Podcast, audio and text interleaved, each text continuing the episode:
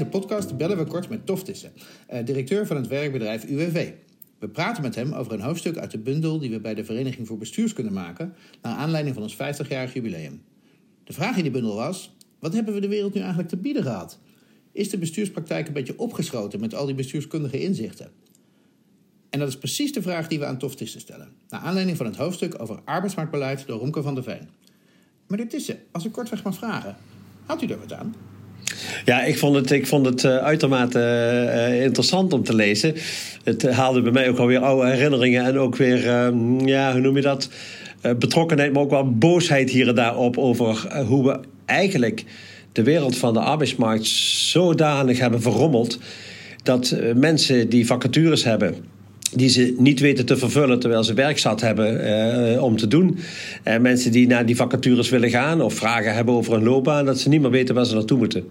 En uh, dat rommeltje is mij een doorn in het oog. Vandaar ook dat ik vrij, vrij, vrij fors gepleit heb een paar jaar geleden van er moet weer een huis van de arbeidsmarkt komen, zeg maar een arbeids, arbeidsbureau Nieuwe Stijl. En in de contourennota van Karin van Gennep gaan we nou zien dat zij ook weer pleit dat er regionale werkcentra moeten gaan komen. Dus so far so good. Maar hoe heeft het zo hoe is dat zo gekomen? En dat is op zich wel een interessante vraag. Want ja. kijk, arbeid, werk is een mensenrecht. Dat staat in de Universele Verklaring van de Rechten van de Mens. Dat betekent dus dat een overheid uh, zich niet kan ontslaan van de dure plicht om te kijken of iedereen dan ook werk, ja, werk ook voor iedereen toegankelijk is. Mhm. Dat is het één. En ten tweede, in de grondwetsherziening van 1984 hebben we zelfs het recht op werk verankerd in onze grondwet. Ook dat betekent dus dat de overheid, maar ook alle politieke partijen, eh, alles uit de kast moeten halen om te zorgen dat iedereen dan ook kan deelnemen aan die, aan die arbeid. Omdat het een grondwettelijk recht is. Overigens geen opeisbaar recht, hè, want dan zou iedereen naar de rechter kunnen stappen. Maar het is wel een grondwettelijk recht. En dan is het heel raar dat je ziet dat de overheid zich wat heeft teruggetrokken van hun verantwoordelijkheid voor de arbeidsmarkt. En eigenlijk sinds de jaren Paars, de jaren negentig, de kabinetten uh, Kok met de VVD, heeft, heeft de overheid een beetje uitgestraald: het is de markt die het allemaal kan. En daarin zie je nu de laatste jaren zie je een dus kentering. die scheiding tussen, tussen. Dat de markt dat niet allemaal meer eh, kan. En nou ja, dat was gebaseerd op de enquêtecommissie van Flip Buurmeijer, die gezegd heeft: er zitten eigenlijk een beetje perversiteiten in het systeem. Want de uitvoeringsorganen voor de sociale zekerheid en de uh, publieke dienstverlening van de arbeidsmarkt, dat is, ja, daar zitten de sociale partners als mede-eigenaar. En dan zie je dat er een vervlechting is tussen uitvoering en beleid en bestuur en toezicht.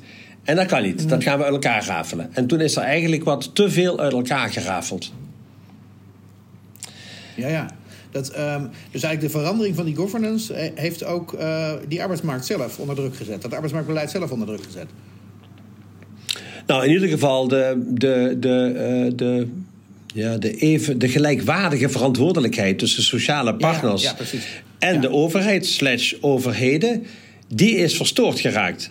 Onder het motto de markt zorgt voor werkgelegenheid en uh, de overheid, uh, door algemeen verbindend verklaren van cao's, probeert een beetje de kaders wat in de gaten te houden.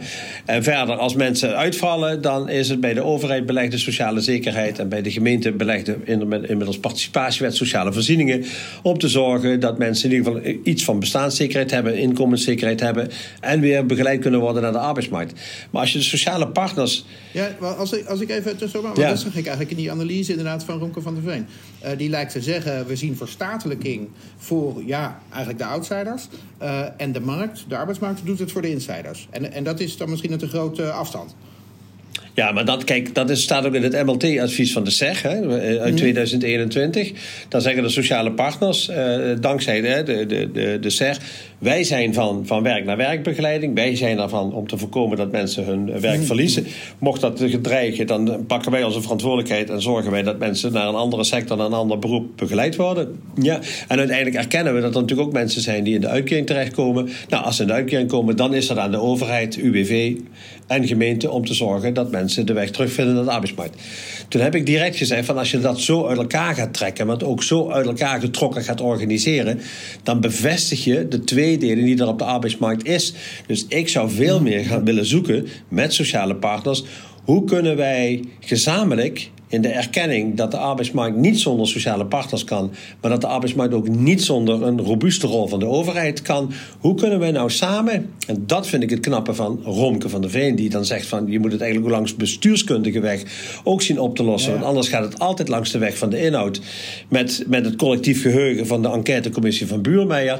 En dan gaat het vaak op financiën, dan gaat het over hoogte en duur van uitkering en over wie is van wie en van wat en van hoe. Maar laten we ook eens kijken van hoe kun je nou een op moderne lees geschoeide governance bedenken die niet terugvalt naar het oude model van tripartite arbeidsvoorziening, maar die zeg maar in de, in de netwerkstructuur, waar vele partners zich bemoeien met de mhm. arbeidsmarkt, relevant kan uh, zijn. En dan kom je toch neer, toch uit bij de, bij de kernactoren, en dat is de overheid slash overheden dan wel de uitvoeringsorganen van de overheid en de sociale partners verenigd in de grote koepelorganisaties van, van werkgeverszijde. En de twee, eh, drie belangrijkste vakbewegingen die we in ons land hebben. Laten die nou eens samen gaan nadenken hoe kunnen we dat nou op een moderne manier uh, besturen zonder dat we weer in het oude gedrag vervallen. Dat er te zeer vervlechting is tussen uitvoeringsverantwoordelijkheid, toezicht daarop en bestuurlijke verantwoordelijkheid. Nou, dan moet je toch, zeker met de inzichten van, van de Vereniging van Bestuurskunde, zou je toch mogen hopen dat je eruit zou kunnen komen. Nou, dit, vind ik wel ongelooflijk leuk om te horen. Ik hoor u eigenlijk zeggen van, van beter inzicht in die governance. Hoe zeg maar staat en sociale partners en ook verschillende statelijke organisaties met elkaar interacteren. Bepaalt eigenlijk in sterke mate wat voor arbeidsmarktbeleid we van de grond krijgen. Als het beter moet, moeten we er ook bestuurskundig naar kijken. Ja, precies. Kijk, op, op inhoud is er nu inderdaad erkend. Er is een rommeltje ontstaan omdat er te veel actoren vaak ook achter uh, digitale loketten uh, teruggetrokken zijn. En dan moet weer meer persoonlijke dienstverlening, mens centraal, ondernemers centraal, werkzoekende of werkende centraal. Dat moeten we gaan organiseren. Nou, dat moet op de digitaal moet dat, uh, moet dat vrij makkelijk vindbaar en, en, toegankelijk en begrijpelijk zijn. Maar je moet ook weer fysieke plekken hebben waar mensen naartoe kunnen. Nou, die erkenning is er nu gekomen. we moeten afscheid nemen van ja, het rommeltje wat ontstaan is, waardoor we mensen hebben doen verdwalen en eigenlijk steeds verder afkwamen te zijn van de arbeidsmarkt. Alleen er wordt echt, hè, bedoel, de, de olifant in de, in, de, in, de, in de kamer wordt verzwegen.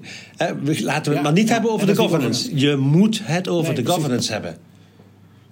Nou, dat is hartstikke mooi. Uh, ik dank u uh, heel vriendelijk voor dit gesprek. Dit is echt iets dat wij kunnen meenemen. Uh, ja, ik ben zo vrij hieruit te lezen. Toch een zekere waardering inderdaad voor de bestuurskundige analyse.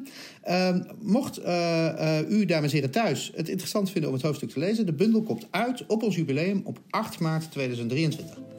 Dank u zeer voor dit gesprek.